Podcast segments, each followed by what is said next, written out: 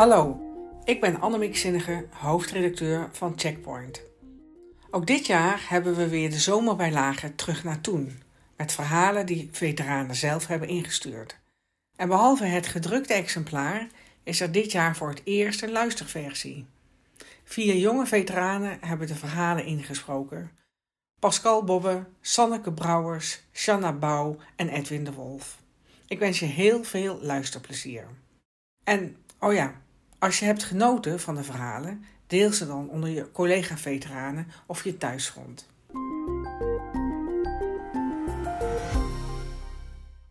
Schijnexecutie. Een verhaal van Peter Roefie. Begin 1942 brak de oorlog in Nederlands-Indië uit. We woonden toen in Bima op het eiland Sumbawa, waar mijn vader installatiebeheerder was van een brandstoffencomplex van de Bataafse Petroleummaatschappij. Hij had de opdracht gekregen om deze installatie te vernietigen. Dat heeft hij gedaan. Samen met een collega heeft hij de opdracht uitgevoerd. Beide mannen werden door de Japanse bezetter gearresteerd en als oorlogsmisdadigers door een militaire krijgsraad veroordeeld. Hun straf: de dood. De executie moest in het bijzijn van vrouwen en kinderen gebeuren. Mijn moeder, mijn zusje en ik en de vrouw van de collega van mijn vader en zijn kinderen werden opgehaald en naar de executieplaats geleid. Daar moesten de beide mannen een kuil graven, waarna zij afscheid van ons mochten nemen. Hun handen werden op hun rug gebonden. Ze werden geblinddoekt en moesten knielen. Op bevel van de Japanse commandant werden ze door twee Japanse beulen met een samurai-zwaard onthoofd.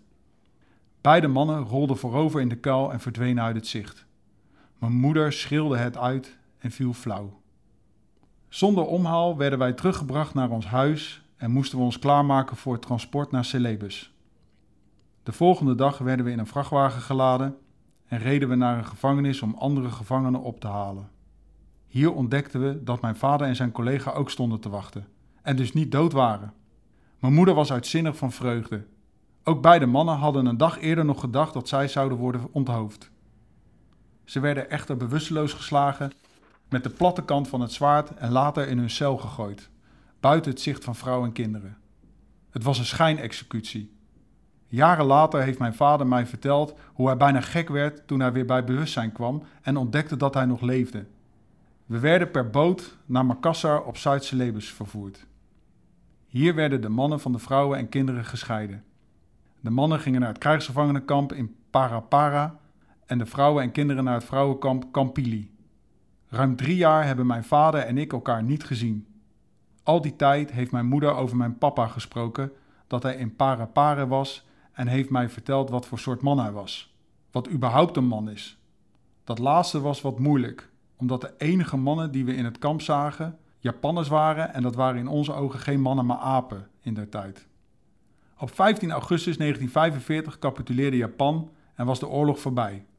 Wij werden met vrachtwagens naar Makassar getransporteerd en kregen samen met een andere familie een huis toegewezen. We wisten niet of mijn vader nog in leven was. Bij het etenverdeelpunt van een van de gaarkeukens, waar we een keer per dag eten konden halen, had het Rode Kruis een kantoortje ingericht. Mijn moeder liet hier ons adres achter voor het geval mijn vader naar ons zou komen zoeken. Op een dag speelde ik in de voortuin en werd aangesproken door een blonde man met een rode baard en blauwe ogen. Hé hey jongen, ben jij Peter? Peter Roefie? Ja meneer. Nou, dan ben ik jouw papa.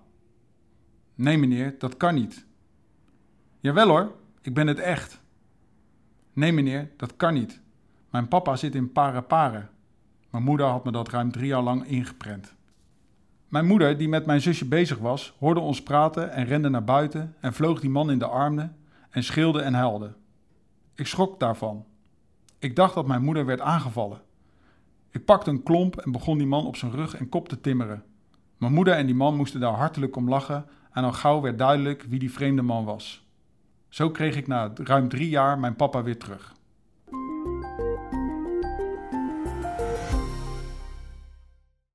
Booby Trap. Een verhaal van Reinder Bieleman. In 2008 ben ik als reservist in het kader van CIMIC op missie geweest in Oeroesgan. Ik ben daar ondergebracht bij het OMLT, het Operational Monitoring and Liaison Team. Het team was belast met de opleiding van de soldaten van de Afghan National Army, om ze te leren omgaan met de M16.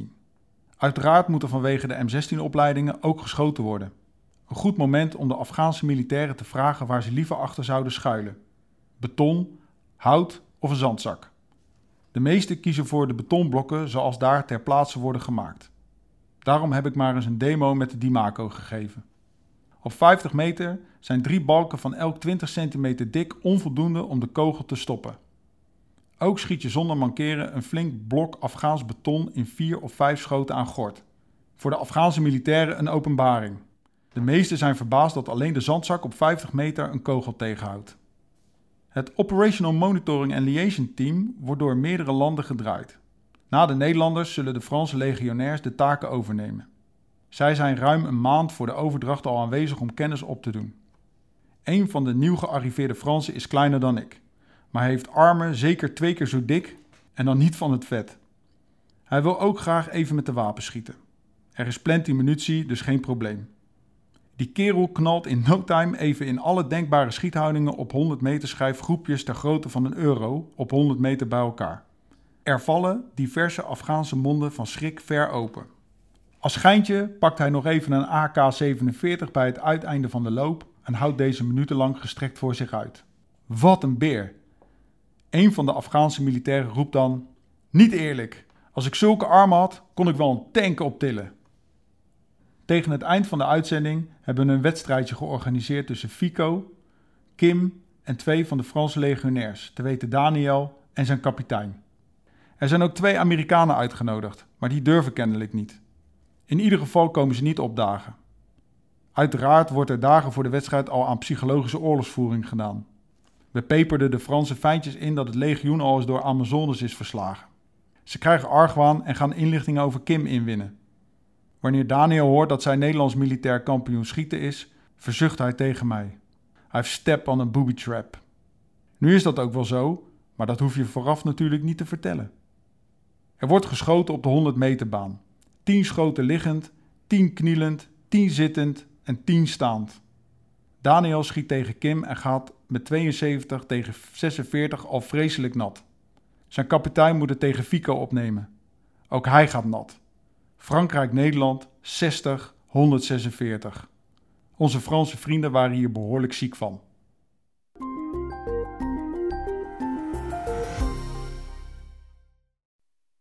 Geen geld voor materiaal. Een verhaal van Dennis Bakker over zijn missie in Afghanistan in 2009. Ik zag het weer voor me. Na de aanslag zijn we met een helikopter afgevoerd naar Kamp Holland. Het voertuig werd geborgen. In vergelijking met de kritieke toestand van een aantal andere gewonden vielen Teus, Buddies en mijn verwondingen mee. We werden direct weer aan het werk gezet bij aankomst op Kamp Holland. We kregen het oude Delta-voertuig, Patria, als vervanger van ons getroffen vehikel. Het ding was er zeer slecht aan toe, maar het reed tenminste. Ik deed mijn best om het voertuig op te lappen met de middelen die ik had. Mankementen die niet verholpen konden worden, noteerde ik. Met ducttape en wat oude slangen kon ik een koelvloeistoflekkage in het motorruim verhelpen. Teus inspecteerde het boordwapen, punt .50 kaliber. Buddy deed ook wat hij kon. Doordat ik veel gereedschap miste, ging het werk langzaam. Maar na een paar dagen zwoegen kon de Delta er redelijk mee door. Ongeveer een dag of twee nadat wij met het opknappen waren begonnen, kwam mijn sergeant in een MB aanrijden. Dennis, lukt het allemaal? Ja, ik mis alleen wat gereedschap en zo. Maar ik denk wel dat ik dit ding operationeel kan krijgen. De sergeant zei tegen me: Kom even mee. Teus en Buddy kunnen de achterkant van het voertuig schoonmaken. Ik heb een ander klusje voor je. Ik stapte in de MB en we vertrokken. De sergeant vroeg aan mij: Jij miste toch gereedschap? Ik knikte. Ik mis wel wat, maar we kunnen wel zonder een aantal artikelen hoor. De sergeant. Maar aan het eind van de uitzending vindt de handover takeover plaats. Het nieuwe team moet een volledige set gereedschap hebben. Ik zei tegen de sergeant dat ik een militair aanvraagformulier zou invullen, maar dat vond hij geen goed idee. Volgens hem zouden we dat spul toch niet krijgen. Er is niets in het gebied En door bezuinigingen is het moeilijk om nieuw spul toegestuurd te krijgen. Ik knikte en antwoordde: Wat wil je dat ik doe? Ik kan niet toveren. De sergeant nam de laatste afslag naar het voertuigkerkhof en stopte bij de poort. Hij keek me aan en zei: Ik wil dat je al het gereedschap dat je nodig hebt uit het oude voertuig haalt en schoonmaakt. En maak notities van wat je echt niet meer kunt gebruiken door de aanslag. Ik keek hem met grote ogen aan. Meen je dit nou? Is er niemand anders die dit kan doen? Het is amper een week geleden. Ik hoest nog steeds bloed op van die klap. Een traan rolde over mijn wang. Ik voelde de klap van de explosie nog in mijn rug en keek naar mijn in verband ingepakte arm. De sergeant. Er is gewoon geen ander gereedschap en er is ook nu niemand die dit van je kan overnemen. Een deel van de jongens zit nog in het veld. Jij bent de enige met de specialisatie Patria en de papieren daarvoor. Jij weet wat we nodig hebben. En ja, we zijn gewoon onderbemand. Mooier kan ik het niet maken. Ik keek naar de grond. Ik snapte het wel. Dit is waarvoor je tekende. Dit is de luchtmobiele brigade. Welkom bij Defensie, zei ik zacht. Ik zei tegen de sergeant dat ik het zou doen, maar diep van binnen voelde ik me naar. Ik zette me over mijn gevoel heen en stapte uit de MB.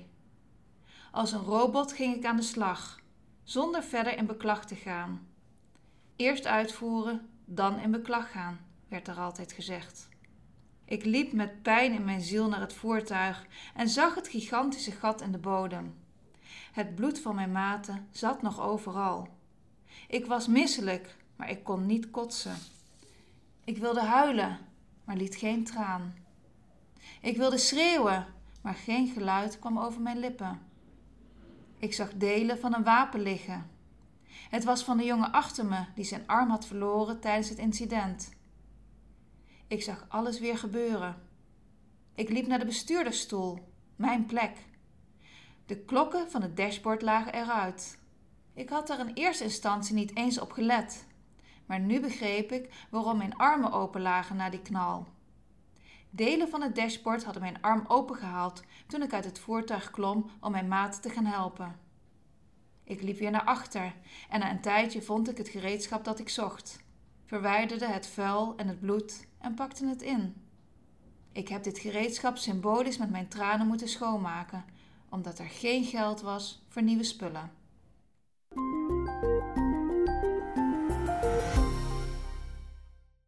Blijdschap, een verhaal van Ton Broers.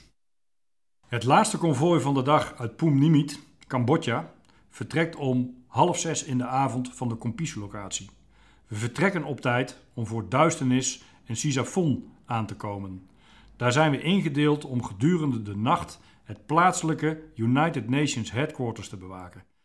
De voornamelijk Australische bemanning van het hoofdkwartier is veel te klein om in de nachtelijke uren de veiligheid van de kleine compound midden in de stad Sisafon te kunnen garanderen.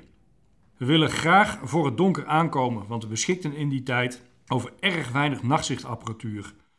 Optreden in vaak pikdonkere tropennachten is geen optie. Met een klein team van zes mariniers, inclusief mezelf, is dit onze opdracht voor de komende maand. Uit die maand staat één nacht haarscherp op mijn netvlies. We arriveren mooi op tijd op het hoofdkwartier. We installeren ons in ons kantoortje waar we ook stretches opzetten en van waaruit wacht wordt gelopen. Twee mariniers zijn gedurende de avond altijd wakker en bemannen de mag-mitrailleuropstelling. Later die avond hoor ik, liggend op mijn stretcher, dat het is gaan regenen. Ik draai me rustig om en prijs mezelf gelukkig dat ik niet buiten op wacht sta. Maar dan hoor ik in de verte geweervuur. Nu is dat niet ongewoon in Cambodja, maar het houdt me wel wakker. Een van de mariniers, die buiten op post stond, komt het vertrek binnen en roept: Corporaal, er wordt op ons geschoten. In dit soort berichten heb je geen aansporing nodig. Ik trek mijn kisten aan zonder de veters te strikken, pak mijn wapen en koppel en ren met de marinier mee naar buiten.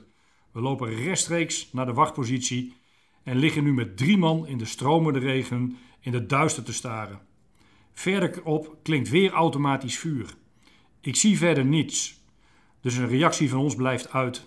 Ik vraag de mariniers achter de mag waarom ze denken dat er op ons wordt geschoten. Voordat een van hen kan antwoorden, wordt er op een afstand van ongeveer 100 meter aan de overkant van de weg opnieuw geschoten. Ik zie duidelijk muzzle flash vanuit een automatisch wapen dat een vuurstoot van 10 tot 15 patronen afvuurt. Een van de mariniers schreeuwt zo hard een doelaanduiding in mijn oor dat ik ervan schrik. Ik geef een vuurbevel. Mag, 2 uur, 100 meter, 40 schoten, korte vuurstoten, vuren op mijn bevel. Ik hoor de mariniers werken aan het wapen. Na wat gevloek en gerammel met de munitiekist hoor ik duidelijk dat het deksel van het wapen wordt gesloten en dat de afsluiter naar achter gaat. Het wordt doodstil. De regen klettert om ons heen en we zijn inmiddels drijfnat. Mijn hart klopt zo hard dat ik bang ben dat de anderen het zullen horen. Dan hoor ik iemand achter mij. Hij vraagt aan ons met een typisch Australische tongval: What's up, lads? Ik deel hem mede dat hij plat moet gaan. Er wordt op ons geschoten. Hij reageerde ontspannen en vertelt dat als het hard regent, de plaatselijke bevolking daar blij mee is en dat ze daarom van blijdschap in de lucht vuren. Dit is normaal in Cambodja. Er valt een enorme lading van mijn schouders af. De Australiërs gaan weer naar binnen. Wat zenuwachtig lachend om onszelf liggen we nog een tijdje in de stromende regen in Cambodja.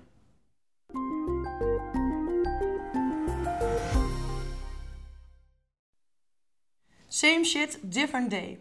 Een verhaal van Jan Willem Sveers van zijn missie in Bosnië 1994. Naast ons wapperde de vlag.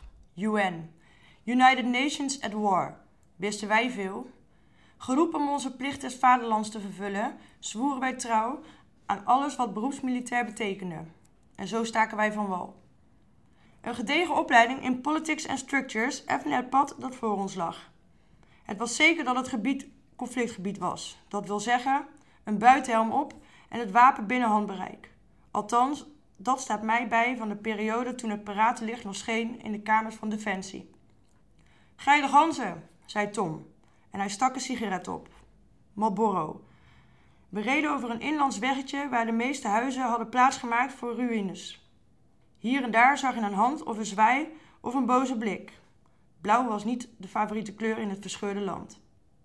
Naast de welige boomgaarden groeiden vale landmijnen uit de grond.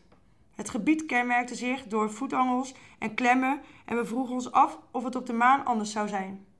Vreemden in een vreemd land. Gedoemd te pareren met een westers mes op borst. Het politieke huis te landen verheugde zich op aanmatige wijze in alles wat blauw was en naar vrede rook. Onderwijl veranderde het landschap in beton. Kapotgeschoten beton. Vrede op aarde. De slogan sloeg ons dagelijks om de oren en een neut op zijn tijd ververst ons belorig bestaan. Deed ons vermoeden dat er meer was tussen hemel en aarde dan deze restanten van gruwel en geweld. Zet hem hier maar neer, zei Tom. Zodoende stegen wij uit, het voertuig achter ons latend. Je suis très heureux, zei de Fransman. A bit of strange, zei een ander, en de Slovaak gaf ons een medaille als teken van aanwezigheid en broederschap. Gezworen kameraden, maar dan anders. Haag filosofeerde het ganse land bij elkaar en we aten zoute haring op Koninginnedag. Zo anticipeerden we op wat komen moest. Srebrenica viel in duigen. De politieke droom viel in duigen. Vrede op aard was weinig waard. De blauwe beret werd afgezet en lachend weer opgezet.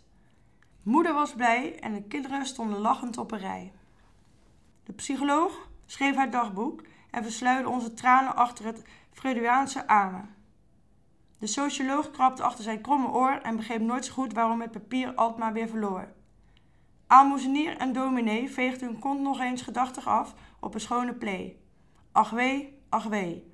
Zo hobbelden we verder. Maakten ons dik, door dik en dun, spelden onze speltjes op en vroegen ons af wanneer we weer aan de beurt waren. Te gaan voor volk en vaderland, trots als altijd.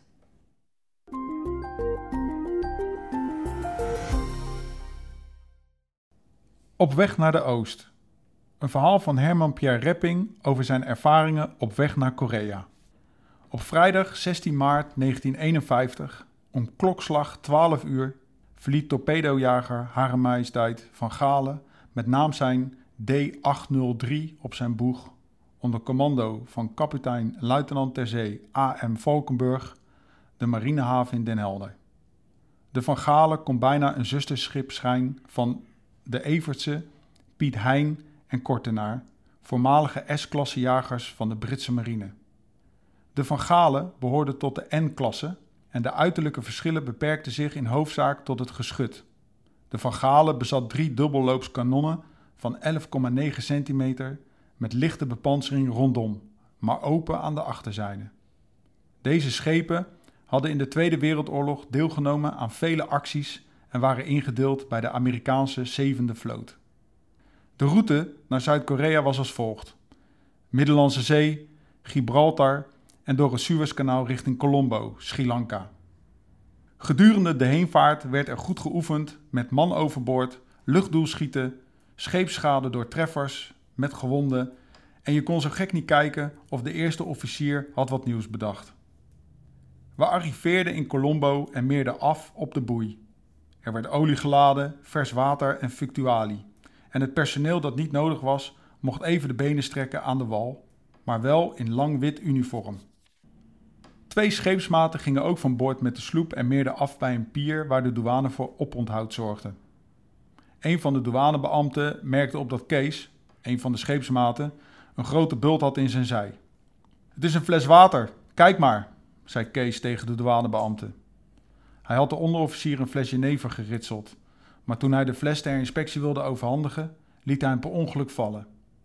Dat werd dus een boete en hij had al zo weinig vreemd geld opgenomen bij de officier van de administratie. Kees en zijn maat zochten een kroegje op en werden verwelkomd door twee Nederlandse bemanningsleden van een koopvaardijschip dat net kolen had gelost. Na een poosje ging de bar dicht en gingen de marinemensen mee aan boord van het koopvaardijschip. Daar was nog drank. Aan boord werd natuurlijk ook het nodige genuttigd, totdat het op was. Een van de koopvaardijmannen zei tegen Kees dat in het kolenruim nog drank was, waarna Kees op zoek ging. De Van Galen zou ochtends vroeg weer naar zee gaan en de koopvaarder vroeg met zijn seinlamp aan de torpedojager of ze de twee matrozen wilden komen ophalen. Toen ze weer aan boord van de Van Galen kwamen, ging Kees voor de Nederlandse vlag in de houding staan, groette, ging even met zijn schoen achterlangs zijn witte broek en zei tegen de officier van de wacht: Meneer, terug aan boord en mijn schoenen zijn gepoetst. Het werd tien dagen arrest met werkzaamheden. Ik, de schrijver, zie ze nog voor me, zwart als roet. Ze waren met hun witte kleding door het lege kolenruim gestrompeld.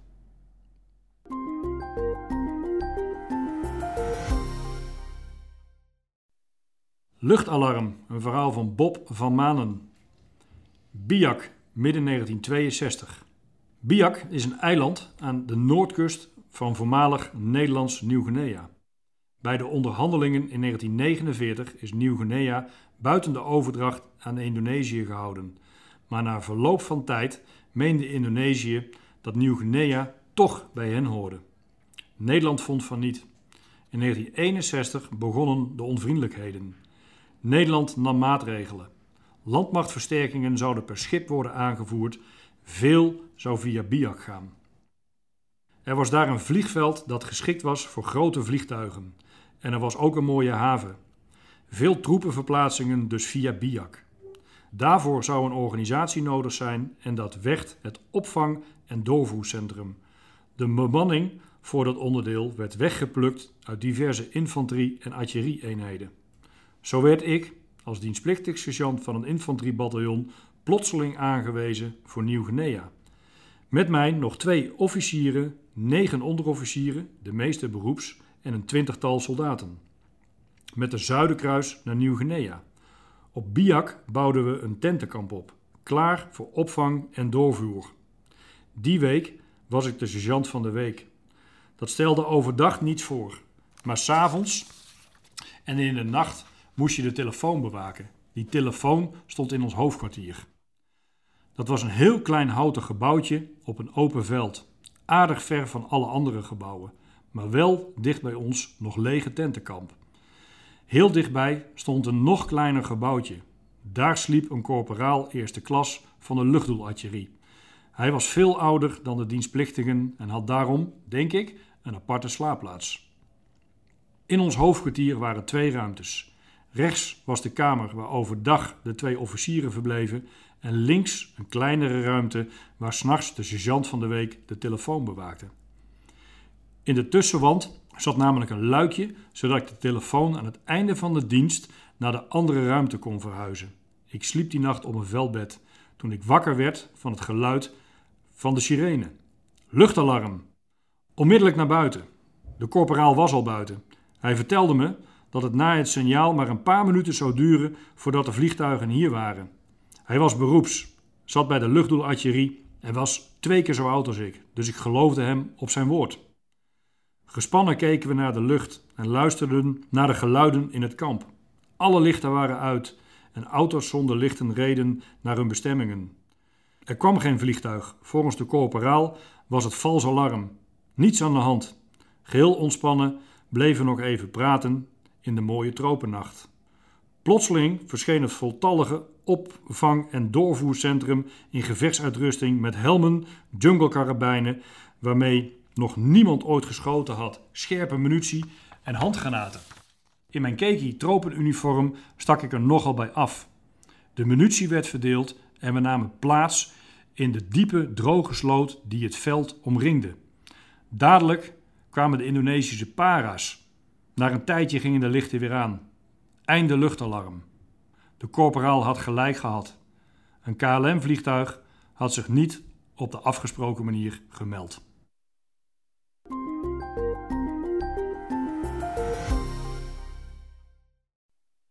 Krachtcentrale Kratjak. Een verhaal van George Bosma. Vlak voor de tweede politionele actie lagen wij in Kratjak tegen Bantam aan. Kratjak was een krachtcentrale die stroom leverde aan een groot gedeelte van West-Java. Het spreekt voor zich dat er een menige aanslag op Kratjak was gepleegd. Want zo'n energiecentrale was voor de Hollanders van groot belang. Ja, niet voor ons hoor. We hadden gewoon een olielampje als we s'avonds een briefje wilden schrijven. Je weet wel, een leeg shampootje met water. Een beetje olie erop, met een drijvertje met een pit en klaar is Kees. Net als in de Tweede Wereldoorlog. We liepen geregelde patrouille rond de centrale en in de omgeving om eventuele aanvallers te laten zien dat wij alert waren. Er waren geregeld beschietingen en er werd door een ploppers veel, veel gebruik gemaakt van trekbommen. Dat waren Japanse vliegtuigbommen die op strategische plaatsen werden ingegraven en dan met een touw of een stuk telefoondraad tot ontsteking werden gebracht. Het gebeurde tijdens een routinepatrouille dat we plotseling vanuit een kampong onder vuur werden genomen. Wij kwamen op de linie en openden het tegenvuur. Ik zag in de verte een persoon die hard wegliep langs de rand van de kampong. Toen ik er een schot op loste, viel die figuur meteen neer, als een aangeschoten hert. Een meestelijk schot dus vanaf die afstand. Toen we later die kampong binnendrongen, bleek het slachtoffer een vrouw te zijn. Waarschijnlijk gevlucht uit angst. Morsdood. Zoiets is niet prettig. Om het nog erger te maken, zei Jan, een soldaat uit mijn groep. Ze is nog warm, corporaal. Die kun je nog naaien. Ik had die vent ook wel willen afschieten. Jan was een oude zesser, die ondanks zijn verleden als dienstplichtige naar Indonesië werd gestuurd. Een hufter, maar onder die omstandigheden onmisbaar. We hadden onze dag niet. Verderop in de kampong troffen we een man aan met een dood jongetje in zijn armen. Getroffen door een kogel. Die man rilde over zijn hele lichaam. En hij riep voortdurend: Aduh tuan, punya anak. O meneer, mijn kind. We weten niet eens of dat kind door ons vuur of dat van de extremisten was getroffen. Maar ik had zo'n medelijden met die man. Vreselijk. Ook nu nog, bijna 75 jaar later, moet ik daar vaak aan denken. Tijdens een van de patrouilles vanuit Kratjak liep een van onze soldaten tegen een trektouw van zo'n vliegtuigbom. Hij schreeuwde een waarschuwing: Dekken! En er volgde een daverende explosie, maar geen van ons had letsel omdat we geleerd hadden snel plat te gaan. Ik was de laatste die plat ging, uit zorg voor mijn patrouille. Iets verderop ontdekte ik wat bloed in mijn buikstreek. Ik voelde niets, maar ik dacht: hé, hey, een lichte verwonding. Gauw naar het hospitaal en daarna een paar weken revalideren in Batavia. Maar dat liep anders. De hospice keek even naar mijn buik, haalde met een pincet twee minuscule splintertjes, nog dunner dan zilverpapier, weg en deed er, waarschijnlijk om mij te matsen, een pleistertje op. Ik voelde me behoorlijk opgelaten. Later heb ik nog naar littekentjes gezocht, maar helemaal niets te zien. En ik had zo graag een paar weken naar Batavia willen gaan. Het werd in die tijd hoe langer, hoe gevaarlijker. De ploppers waren beter georganiseerd, hun acties beter gecoördineerd en het was duidelijk dat hun leiding veel beter was geworden. En er ontstond een actiegroep, de 4B's genaamd. Dat stond voor Bakar, verbrand, Bromtak, opstand, Bunu, vermoord, Blanda, de Hollander. Ze presteerden het zelfs om hun plakaten met leuzen midden in de nacht in ons kampement te plakken. Het was duidelijk dat er militair iets aan gedaan moest worden, want die dreiging hing over heel Java. Opeens kregen we betere kleren, onze wapens werden bekeken door deskundigen van de TD en er volgden cursussen in kaartlezen, wapentechniek en schietoefeningen. En ja hoor, ineens begon de tweede politionele actie. Het was 19 december 1948.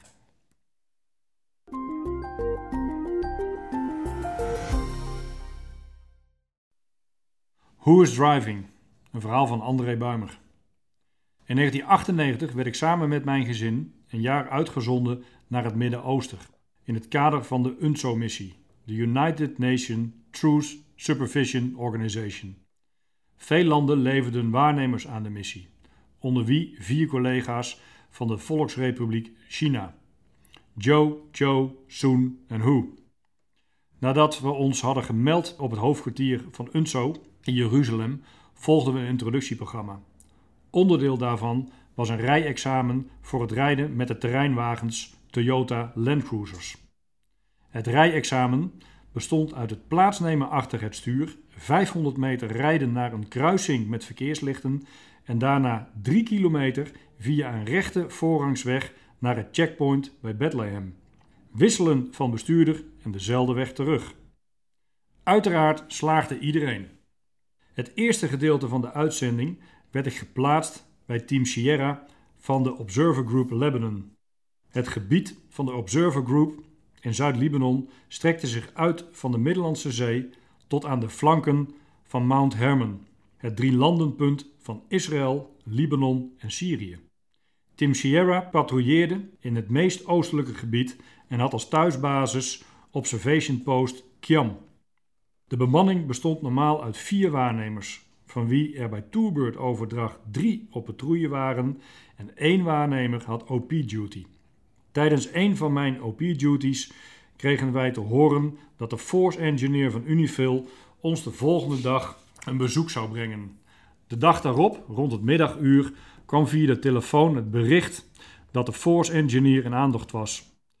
Na enige tijd verscheen een Toyota Land Cruiser die slingerend over het geitenpad naar de observatiepost Kiam reed. Met moeite door het hek kwam en met een klap tot stilstand kwam tegen de enige boom op onze OP.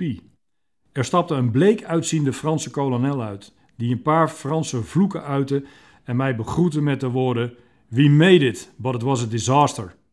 De chauffeur van de terreinwagen, mijn Chinese collega Hu, probeerde ondertussen de Toyota te keren, maar raakte tijdens deze manoeuvres links en rechts allerlei objecten. Tijdens de koffie kwam de Franse Force Engineer enigszins tot rust en het bezoek verliep verder probleemloos. Bij het afscheid wenste ik hem veel succes voor de lange en uitdagende terugreis. Vanaf die dag was de standaard reactie op de vraag: Who's driving? Oh no, who is driving?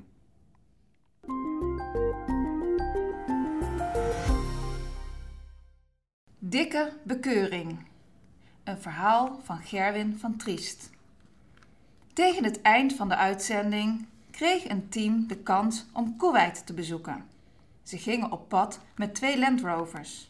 De week na het bezoek werd via de dagelijkse orders medegedeeld dat de Koninklijke Marechaussee controleerde op snelheid in Kuwait. Dit bracht mij op het idee om een van de chauffeurs eens beet te nemen. Hij was zelf altijd druk met flauwe grappen, dus hij was de ideale kandidaat. Ik stapte af op dorpsgenoot Anton, die ook op kamp Smitty diende, bij de Groene Marechaussee. Ik vroeg hem om een Koeweitse bekeuring in elkaar te draaien voor te hard rijden. Het kenteken had ik en de rest regelde hij. Ook de sergeant-major van ons peloton werd betrokken in het complot. Hij kreeg als taak om na de daily de bekeuring te overhandigen aan Tom, marinier 1 algemeen. De bekeuring was opgemaakt en ondertekend door wachtmeester de marechaussee Winger Sadness. Het fictieve boetebedrag was 2800 dollar. Ze hadden tenslotte wel in Koeweit te hard gereden. En toen ging de grap een grootser leven leiden dan de bedoeling was.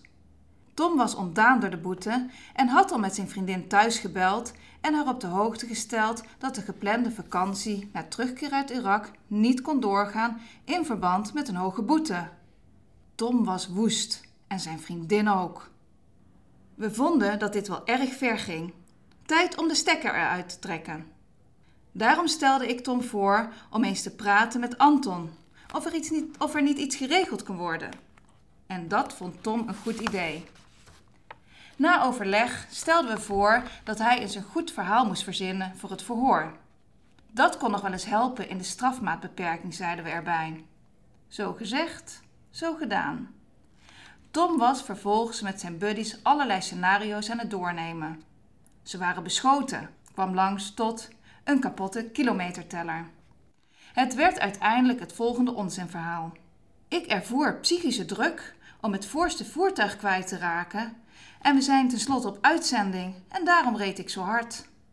Tom meldde zich de volgende dag keurig af op de parade bij de commandant van de KMAR. De commandant las het vonnis voor en hij eindigde met de vraag: Enig idee wie Winger Sadness is? Tom schudde zijn hoofd. Nee, hij had echt geen idee.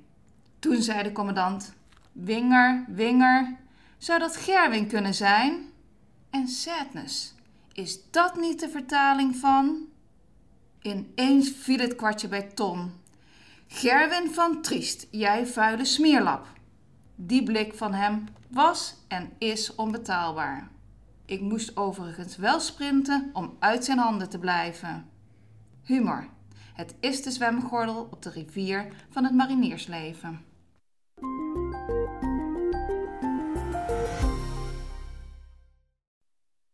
De aanslag bij de Rex Cinema. Een verhaal van Jo Roos. Mijn naam is Johannes Roos. Ik was dienstplichtig militair van de luchtstrijdkrachten. Met een aantal sobats lag ik in Batavia, in de militaire kampen in Gunung Sahari binnen, vlak bij het vliegveld Kemajoran. In 1985 werd deze luchthaven vervangen door de nieuw gebouwde internationale luchthaven Sukarno-Hatta.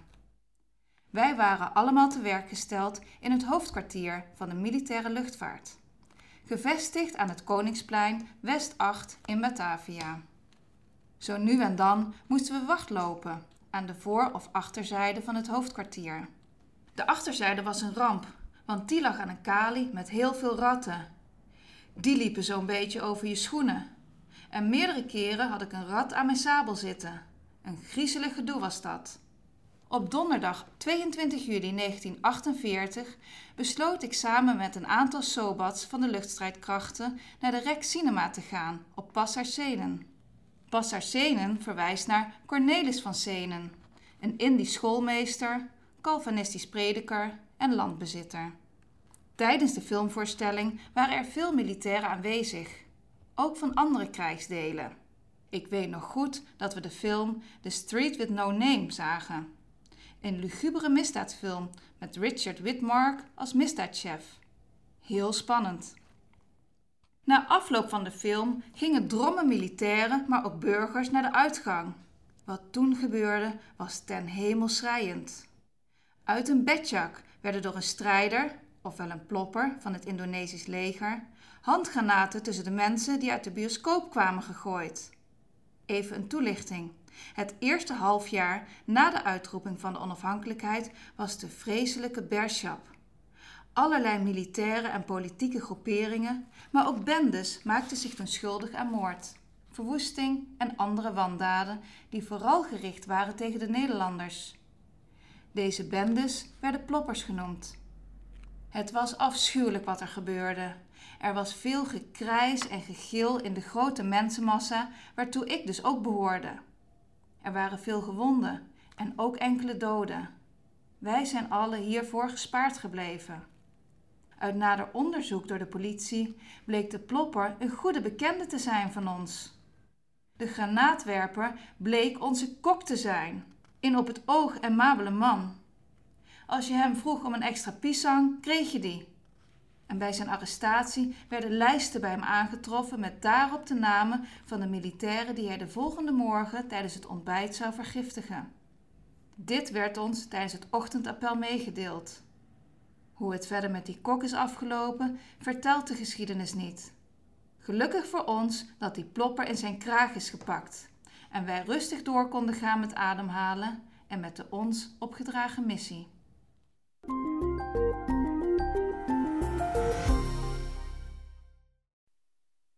Onvergetelijk. Een verhaal van John Bulf. Na een aanvullende opleiding in Ermelo werden wij als operationeel mentoring en liaison team uitgezonden naar Kamp Holland, Afghanistan in 2009. Onze taak was het trainen en het mentor zijn van de ANA, de Afghan National Army. Ons team bestond uit allerlei rangen en standen, van soldaat 1 tot kolonel. En een goede voorbereiding was belangrijk om te komen tot het teamgevoel. Al tijdens deze voorbereiding bleek dat er enige muzikanten in het team zaten en al gauw ontstond er een plan om een bandje op te richten.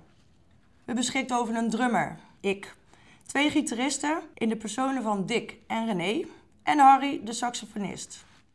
Via via kwamen we aan een geluidsinstallatie met de benodigde stoeren en microfoons. Ieder nam zijn eigen instrument mee en aangekomen in Kamp Holland konden we nog het orgel van de dominee gebruiken. Al gauw kregen we contact met daar aanwezig Australische militair. Hij was van Polynesische afkomst en had een niet uit te spreken naam, dus voor ons heette hij al snel H. Naast zijn keyboardtalenten kon hij ook nog eens goed zingen en al gauw begonnen wij te oefenen in wat de tuin noemde. Een bandnaam hadden we ook al snel, No Sync. Iedereen was welkom. Meezingen werd erg op prijs gesteld en de sfeer was altijd relaxed. Een Amerikaan zong Sweet Home Alabama, ofschoon hij een Texaan was. Een Aussie kon oerend hard van normaal helemaal meezingen. Hij had geen idee waar het over ging en we kregen er zelfs een zangeres bij. Geoefend werd er bijna iedere dag, als de dienst het toeliet natuurlijk. Tijdens de voorbereidingen van een sessie hielpen vele teamleden mee om het podium op te bouwen. We kwamen zelfs in het programma van het cabaretier Guido Weijers, die ons kwam bezoeken, en in de radio-uitzending van Giel Belen. Maar wat voor ons toch wel onvergetelijk was, was het optreden in de woestijn. Net buiten het kamp, toen de evangelische omroep uit Nederland was gekomen voor een reportage. We werden gefilmd voor een tv-uitzending, stroom via een grote generator, verlengkabels en de hele mikmak in de stoffige zandbak. Het hoogtepunt was echter een Apache-helikopter die naast ons opsteeg en achterlangs vloog. Onvergetelijk. En het is dus waar, muziek verbroedert en maakt nare gebeurtenissen een beetje draaglijker.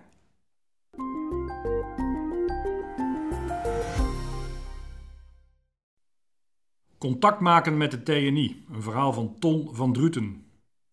Het gebeurde in Nederlands-Indië op 3 augustus 1949, de dag waarop het staakt het vuren werd afgekondigd.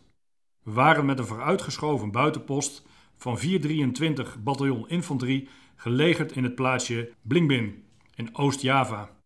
We hadden tot taak om met een peloton van de Delta-compie de orde en rust in een groot gebied te handhaven. Het peloton werd aangevuld met een marconist van het verbindingspeloton en vier man van het mortierpeloton. We moesten veel patrouille lopen. Op de dag van het staakt het vuren kreeg onze marconist bericht van het hoofdkwartier in Surabaya. Wij moeten vanuit onze buitenpost contact maken met het hoofdkwartier van het Indonesische leger, de TNI. Dat had zijn hoofdkwartier op Oost-Java. In ons gebied hadden we te maken met het keurkorps van de TNI, namelijk met de mobiele brigade. We waren hoogelijk verbaasd dat dit hoofdkwartier zo dicht bij onze buitenpost lag, op nog geen twee kilometer afstand. We hebben het vele malen op afstand met een patrouille gepasseerd. Ik kreeg de opdracht om het eerste contact te maken. Met alleen een revolver aan mijn koppel ben ik over een modderig paadje door de kampong op pad gegaan om het telegram te overhandigen aan de commandant van de mobiele brigade, de kolonel Suchipto. Door de kampong aangestaard door nieuwsgierige kampongbewoners die niet begrepen wat die Hollandse korporaal in zijn eentje kwam doen, vond ik na enige tijd zoeken het doel van mijn missie. Alvorens het fraaie stenen huis te kunnen betreden, moest ik een zwaar bewapend peloton van de mobiele brigade passeren dat in de tuin stond opgesteld. Ik had in mijn hele Indië-periode nog nooit zoveel tegenstanders bij elkaar gezien en het zweet liep langs mijn rug. Op de veranda werd ik vriendelijk door kolonel Sujiptu en zijn adjudant ontvangen. Beiden spraken voortreffelijk Nederlands. Na het overhandigen van het telegram hebben we nog een poosje staan praten, waarna ik de terugweg naar onze post kon ondernemen. Wat mij vooral opviel, was het grote aantal Nederlandse kranten en tijdschriften dat kennelijk door onze baboes was binnengesmokkeld. De volgende morgen kwam de kolonel op een bergpaadje naar onze post om het antwoord te brengen, dat door de Marconist snel werd doorgestuurd naar ons hoofdkwartier in Surabaya. Later vernam ik dat de kolonel Sujiptu was benoemd tot politiecommandant van Surabaya. Het was een bijzondere ervaring die nog steeds na bijna 75 jaar op een netvlies staat.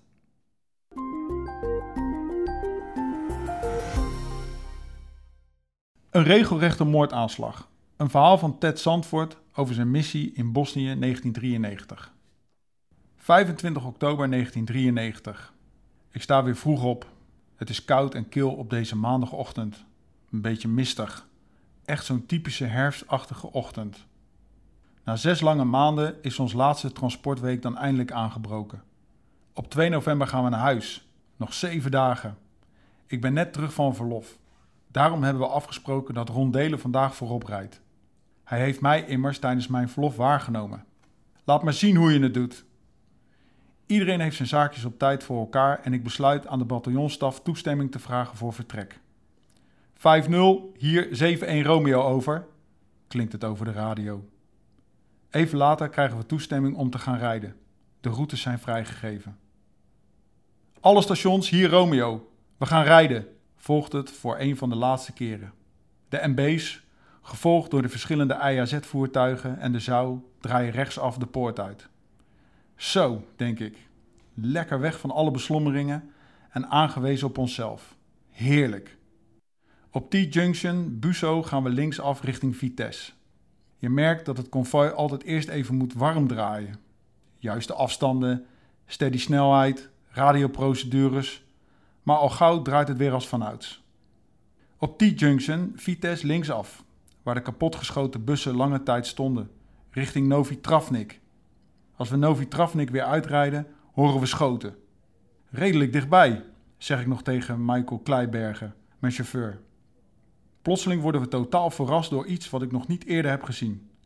Iets komt met een spoor van opspattende vonken van het asfalt met hoge snelheid op ons af. Met harde klappen van inslaande kogels wordt ook onze MB een aantal keer getroffen. Helm, helm, helm op, rijden, rijden. Alles gebeurt in een split second, maar de chaos is compleet. Iedereen is aan het zenden, dus communicatie is niet meer mogelijk. Gelukkig probeert iedereen door te rijden om zo uit het spervuur van kogels te komen. In onze vlucht passeren we een afweergeschut dat achter op een vrachtwagen is gemonteerd. Het vuurt over ons heen naar achteren, gelukkig maar. Verderop staat een UNHCR-vrachtwagen van het konvooi voor ons. Het is tegen een rotswand tot stilstand gekomen. De chauffeur hangt over het stuur. Even verderop, waar we ons wat veiliger wanen, stopt de MB voor me. En niet voor niets. Ron is vol geraakt en valt bijna uit de auto. Hij is zwaar gewond, zo zou later blijken. Er wordt nog veel geschoten in de omgeving. Even hebben we de indruk dat het geweld ons achtervolgt. We wanen ons hier helemaal niet veilig meer en stappen snel in om verder te rijden. Veel verder kunnen we definitief stoppen. Ron verzorgen is de eerste prio, maar al snel blijkt dat er veel meer gewonden zijn. Negen in totaal, om maar niet te spreken over de geestelijke schade die het in de loop der jaren zal brengen. Gelukkig hebben we de zou bij ons en de twee gewonde verzorgers nemen de zorg voor Ron van ons over. Al snel blijkt dat niet alle voertuigen zijn aangesloten. Waar zijn ze? In de hinderlaag toch tot stilstand gebracht? Ik kan hier niet afwachten. Er moet wat gebeuren. We moeten terug. Michael keert zijn MB en als door een wonder komen op dat moment de ontbrekende AJZ's aanrijden. Iedereen compleet. Er zijn veel gewonden. Schoten door armen, schoten door benen, schoten gevangen in het scherfvest. Ja, zelfs een schot door de neus van Arjan Sveris. We besluiten direct beveiliging naar de achterkant van het konvooi te brengen, want we zijn nog steeds niet van overtuigd dat we veilig zijn. Ik druk Ron Martens mijn videocamera in zijn handen om alles als een soort getuigenis vast te leggen. Na een tijdje keert de rust enigszins terug. Alhoewel, naast ons worden nog steeds zware mortieren afgevuurd, maar in ieder geval worden de gewonden verzorgd. Ron is volgespoten met morfine en de meeste lekke banden worden vervangen. In de verte, uit de andere richting, klinkt het gegrom van naderende, zware panzervoertuigen. Warriors, de Britten, onze definitieve redding. Dit incident is opgenomen in het boek Van Korea tot Kosovo van Christ Klep en Richard van Gils en werd destijds door VN-gezant Stoltenberg bestempeld als regelrechte moordaanslag. Deze gebeurtenis in het leven van een aantal heel jonge mensen heeft hen voor altijd veranderd. Maar het is ook iets wat, of je er nu bij was of niet, een band heeft gesmeed voor het leven. Na 28 jaar zien en spreken we elkaar nog altijd regelmatig.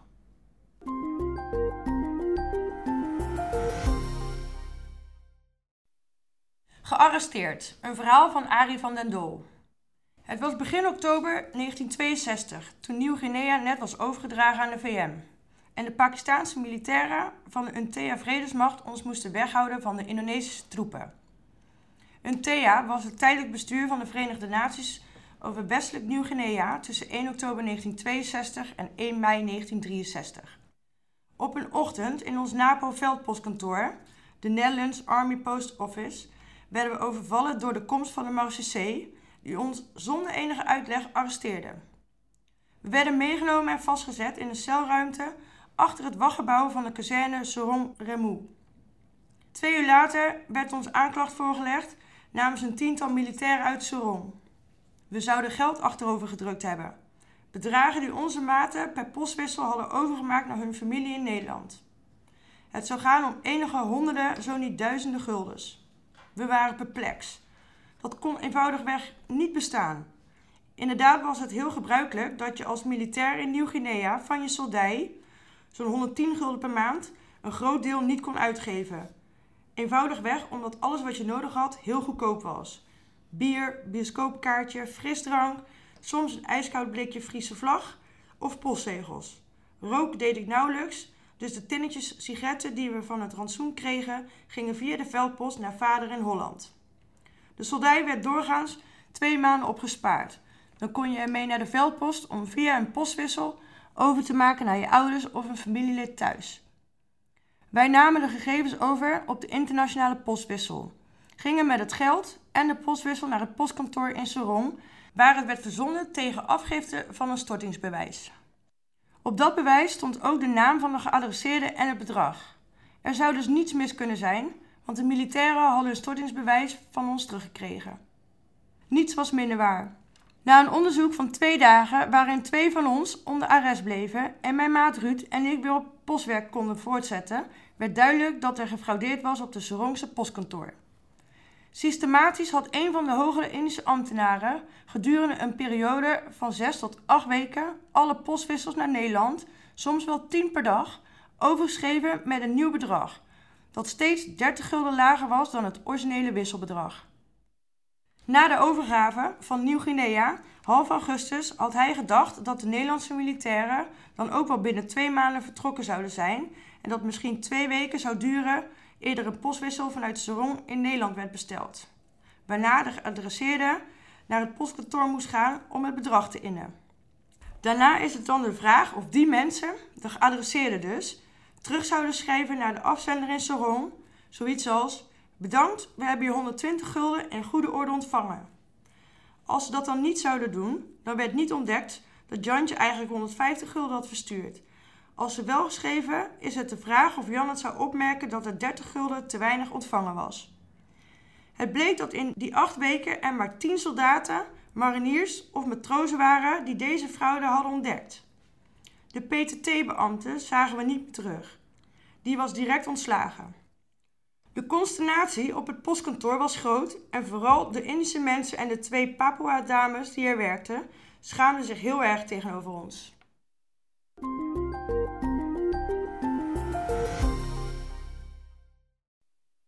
De koningin van Mapia. Een verhaal van Jan van Asch. Mijn periode in Nederlands Nieuw-Guinea was van 1953 tot begin 1955 en ik werd geplaatst aan boord van het landingsvaartuig L9608, klep 8 genoemd. In deze periode kon in Nieuw-Guinea geen groot vrachtschip in Biak afmeren in verband met het rif voor de kust. Dus werd er niet alleen voeding naar Biak gebracht, maar ook bommen die werden gebruikt om het rif bij Biak op te blazen. Vanuit de bush werden smalspoor en benzine naar Hollandia en Biak getransporteerd. Ook werden er allerlei hand- en spandiensten verleend. Zo werden een dokter en verplegend personeel naar afgelegen kampongs gebracht om daar Papua's in te enten en medisch bij te staan. Op 30 juni 1954 werd de koningin van het eiland Mapia naar Mapia, Sint-Davids-eiland, teruggebracht, samen met alle oud-bewoners van Mapia die terug wilden. Zij hadden van alles bij zich en werden bij ons in de tankspace, die was afgeschermd met zeilen, te slapen gelegd. De naam van de koningin was mevrouw E. Scott. Zij was de eigenaar van het eiland en de dochter van de beruchte kapitein Pat O'Keefe. Tijdens de overtocht van drie dagen had ik een keer de hondenwacht, samen met Bob Schreuder. We moesten om het half uur even langs de tankspace lopen om te kijken of alles rustig was. Op een van de rondes werd ik aangesproken door een Papua, die zei dat er iets aan de hand was. Althans, dat begreep ik. Ik zag in de tankspace een vrouw die bezig was te bevallen. Ik schrok me rot. Ik was net 19 jaar en had nog nooit zoiets gezien. Die man die begon heel vlug tegen mij te praten. En ik begreep hem niet, totdat ik Ayapanas hoorde. Dat begreep ik. Ik ben als een gek naar Bob gerend, een Indische jongen, en vertelde hem wat er was gebeurd. Hij ging er naartoe met heet water, maar de baby was al geboren. Bob heeft die mensen verder geholpen en iedereen ging weer gewoon slapen. De andere dag was de vrouw het kindje aan het wassen. Ze wist nog niet precies hoe de baby zou gaan heten. Wij hebben toen in overleg met onze commandant, die vreselijk moest lachen, het kind Liciti genoemd. Het landingsvaartuig was een Landing Craft Tank, LCT, en wij hebben er een i tussen gezet. De ouders van Liciti vonden het geweldig. De commandant heeft toen een telegram gestuurd naar Radio Hollandia. En tijdens een nieuwsuitzending werd er melding van gemaakt dat twee matrozen opgetreden hadden als verloskundigen.